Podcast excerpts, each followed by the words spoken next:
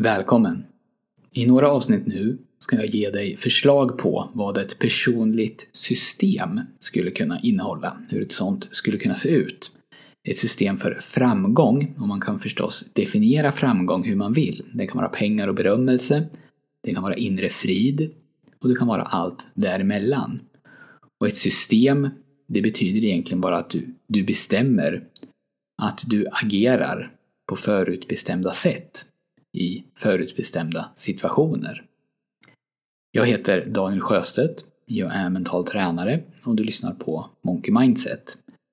Och om du vill hålla lite koll på vad jag gör så får du gärna prenumerera på mitt nyhetsbrev. Jag har nya produkter på gång. Det är inte veckor borta utan snarare dagar och jag kommer att smyglansera till er som är mina prenumeranter. Och att prenumerera på nyhetsbrevet kostar ingenting. Du kan göra det på monkeymindset.se. I det här avsnittet så kommer jag framförallt att prata om mindset. Vad allt handlar om, tror jag, för alla av oss, om man kokar ner det till dess minsta beståndsdel, det är väl att må bra, att vara lyckliga. Och att för att må bra så behöver vi oftast göra sånt som får oss att må bra. Eller befinna oss i en miljö och i en situation som får oss att må bra. Eller vi behöver åtminstone ha en stark tro på att lyckan, om den inte är här nu, kommer att vara här imorgon. Eller inom en snar framtid. Bara det kan ju i vissa fall göra att vi känner oss tillfreds. Att vi kan uppskatta nuet trots att om vi ser det i isolering, det inte är särskilt lustfyllt eller tillfredsställande. Men det vi gör nu leder oss någonstans och vi kan se det tydligt. Det kan räcka. Och motsatt så kan ju ett perfekt här och nu vara svårt att uppskatta om vi är rädda för att framtiden kommer att ta det ifrån oss.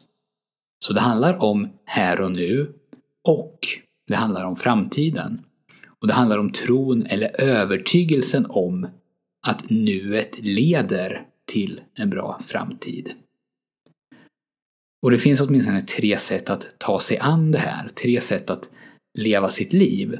Och de här går ju in i varandra för alla av oss, men jag renodlar dem här för att göra dem enklare att förstå. Och ett av de här sätten, det är att bara flyta med. Om nuet då inte är bra, eller om du inte har någonting som styr dig, så kan det här vara väldigt frustrerande och skapa mycket negativ stress. Då kan man känna sig som en båt utan roder på ett stormigt hav. Man är utlämnad till omständigheterna. Jag har ingen kontroll över mitt liv. Om man däremot har ett liv som fungerar, eller om man till exempel har en arbetssituation som fungerar väldigt bra, då kan det här, att flyta med, vara att föredra. Du är en kugge i ett maskineri och maskineriet ser till så att kuggen drivs som den ska. Ditt jobb blir då att hålla den här kuggen smord så att den hjälper maskinen att snurra. Och jag menar ingenting negativt med den här liknelsen. Och att vara en kugge i ett maskineri behöver inte på något sätt innebära att det man gör är tråkigt eller enkelt eller okreativt. Ett exempel skulle kunna vara att man är en programmerare som ges tydligt definierade problem att lösa. Då är det ju någon annan som definierar problemen och ger dig uppgiften, men det är din kompetens som ser till att lösningen blir så bra som möjligt. Och jag tror att väldigt många längtar efter en sån här tillvaro. Jag har bilden, kanske är det en falsk idealbild, men jag har i alla fall bilden av att såna här arbetsuppgifter var vanligare förr. Där alltså det finns fasta ramar och där man får utrymme att lägga så mycket energi som möjligt på att göra det man är bra på. Det man är anställd för att göra. Och ingenting annat. Det som kommer först, upp först i mitt minne här, mitt sinne, det är ju lärarrollen. Att den var mer sån förr än vad den är nu. Och jag blir gärna rättad om jag har fel om det här. Förutsättningen för att det här ska vara tillfredsställande, alltså där man mer flyter med, det är då att man köper sättet som man blir styrd på. Alltså man respekterar maskinen som man är en kugge i. Det andra sättet är att sätta mål. Då målar man upp en framtid som är attraktiv och så säger man att man ska ta sig dit. Och så planerar man för det. Så gör man vad som krävs för att nå målet inom den tid man har bestämt. Och man utvärderas på målet. Det tredje sättet, det är just att skapa ett system. Då bestämmer man vad man vill. Det kan betyda att man sätter ett mål, men det behöver inte vara så. Och så bestämmer man hur man behöver agera för att röra sig i den riktningen. Och så designar man sitt liv, eller sin arbetssituation, mot att kunna agera på det sättet som man har bestämt. Och så mäter och utvärderar man på hur väl man följer sitt system. Och när jag säger det så här så kan ju skillnaderna mellan framförallt mål och system tyckas vara små. För om man sätter ett mål så gör man ju en handlingsplan. Och den handlingsplanen kan väl ses exakt som samma sak som ett system. Systemet tar dig till målet. Och så är det ju. Men det finns en dimension som det verkar som att de flesta inte tar med i beräkningen. Och det är dimensionen teori och praktik. Om man tänker att teori och praktik är samma sak så är ett system bara en beståndsdel av att arbeta med mål. Systemet är då själva handlingsplanen. Och alla som är seriösa och arbetar med mål gör ju naturligtvis upp handlingsplaner som man följer och utvärderar. Man har delmål och så vidare. Så är det i teorin. Men så är det inte, alltid i alla fall, i praktiken. I praktiken så har man ett jobb att sköta, eller ett liv att leva. Och om målen och handlingsplanerna ska vara en del av det jobbet eller livet så behöver man ha det nära i sitt medvetande. Målet behöver vara en del av den verklighet som jag befinner mig i. Jag behöver påminnas om det. Så att allt jag gör syftar till att röra mig mot det. Men så är det ju inte alltid. Jag skulle säga att för de flesta av oss så är det nästan aldrig så. Att vi vaknar på morgonen och går igenom vårt mål. Eller att det första som görs på veckomötet är att påminnas om vårt mål. Målet riskerar därför att vara någonting diffust. Någonting som alltid befinner sig ganska långt framme. Det är någonting som ska vara uppfyllt om ett halvår eller om ett år. Det är någonting som är separerat från det dagliga arbetet, det dagliga livet. Och i värsta fall så jobbar, jobbar, jobbar vi med vårt vanliga jobb 90 procent av tiden. Och sen när de här delmålen ska bockas av, om det är per kvartal eller per år, eller vad det är, så behöver vi samla ihop och rapportera, jobba övertid kanske. Och så gör vi det, och när det är gjort så går vi tillbaka till det vi kallar vårt vanliga jobb igen. Styrkan med ett mål, det är att man tydligt visar en önskad framtid som alla, när de är inspirerade, är beredda att arbeta hårt för att nå. Svagheten är att den här inspirationen och motivationen är svår att upprätthålla över tiden. Inte omöjlig, men svår. Och då är det lätt hänt, och det här gäller ju både jobbet och ens liv, att målet blir abstrakt. Jag kan inte koppla det jag gör här och nu till den här ljusa framtiden som målades upp. Jag utvärderas relativt sällan mot målet. Och om mina arbetsuppgifter i teorin är tydliga och definierade och leder till att målet nås, så stämmer det inte överens med hur det ser ut i praktiken för de flesta av oss. I praktiken finns det massor av saker som tar tid, som tar resurser, som kostar energi och som behöver göras, men som inte står med i någon handlingsplan. Så målet glöms lätt bort. Ett system handlar mer om vad jag gör nu. Och om jag gör det jag ska nu, så har jag gjort mitt jobb. Det är det som jag utvärderas efter.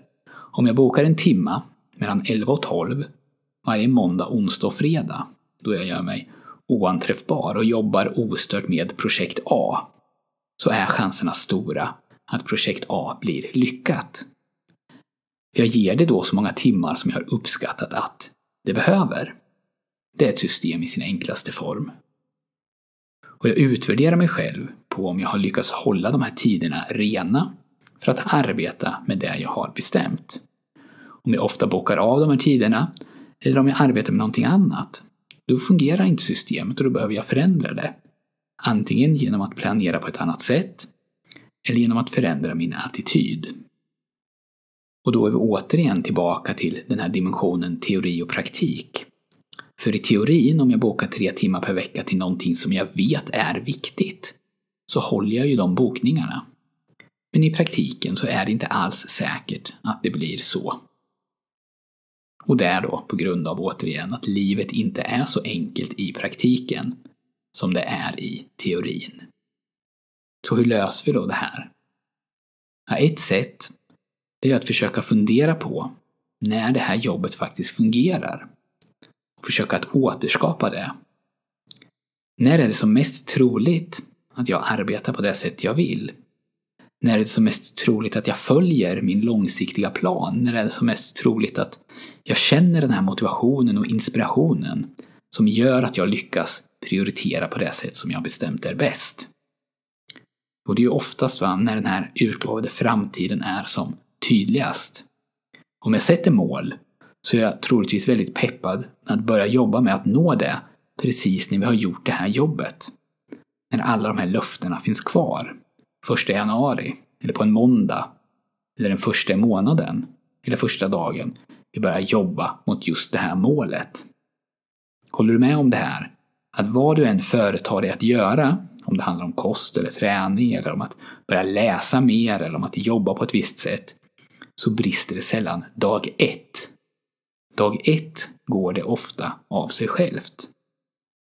Så vad skulle hända om varje dag var dag ett? Vad skulle krävas för det?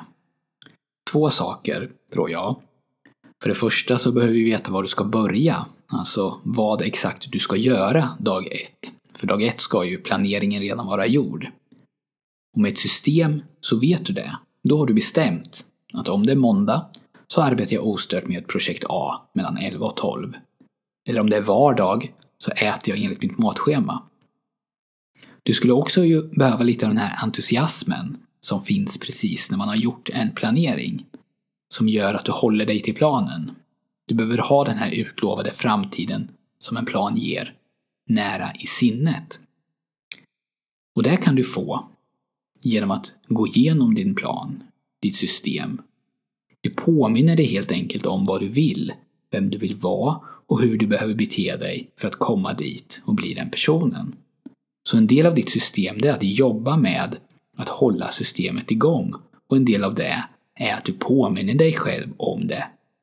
Varje morgon, eller varje morgon och varje kväll, eller på morgonen efter lunch och precis när du ska gå och lägga, sig, du, lägga dig. Du påminner dig själv så ofta det krävs om det innebär att chanserna för att du ska agera så som du har bestämt ökar. Och det här kan ju tyckas vara banalt. Att gå igenom sitt system så ofta som möjligt. Skulle det verkligen kunna göra skillnad? Eller att ha den här inställningen av att varje dag är dag ett. Låter lite väl som klyschig självhjälp. Men låt oss låtsas att det är så. Låt oss låtsas att det funkar, eller låt oss låtsas att chansen att det funkar är 10%. Och att om du la 20 minuter varje dag i 30 dagar på att testa det här. Alltså påminna dig om vad du ska göra idag, vad som är viktigt idag, sätta det på papper. Så skulle det antingen förändra ditt liv till det bättre, eller så skulle ingenting hända. Och du skulle från och med dag 31 få tillbaka de där 20 minuterna. Skulle det då vara värt att testa? Nästa vecka så ska jag bli mer specifik i hur ett system kan vara uppbyggt. Vilka delar som det kan innehålla. Det finns ingen sanning, utan det är bara förslag. Men det finns förstås ingenting som hindrar att du börjar med det här redan idag. Att du skriver ner någonting, eller några saker, som ska göras till exempel. Och så börja påminna dig själv om de här sakerna. Om du bara fick välja en enda sak imorgon som skulle göra den dagen så lyckad som möjligt, vad skulle det då vara? Skriv ner det. Och påminn dig själv om det. Man kan göra det här så stort man vill eller hur litet man vill. Men det viktiga är att börja. Om du vill så kan du få det som du behöver för att komma igång med mental träning och det kostar ingenting. När du prenumererar på mitt nyhetsbrev så får du ljudfiler, träningsprogram och instruktioner och du får också, som jag sa i början, uppdateringar om vad som händer i Monkey Mindset och info om mina nya produkter. Det kommer väldigt snart. Ta hand om dig, ta hand om dina kära. Tack för att du har lyssnat och om du vill så hörs vi snart igen.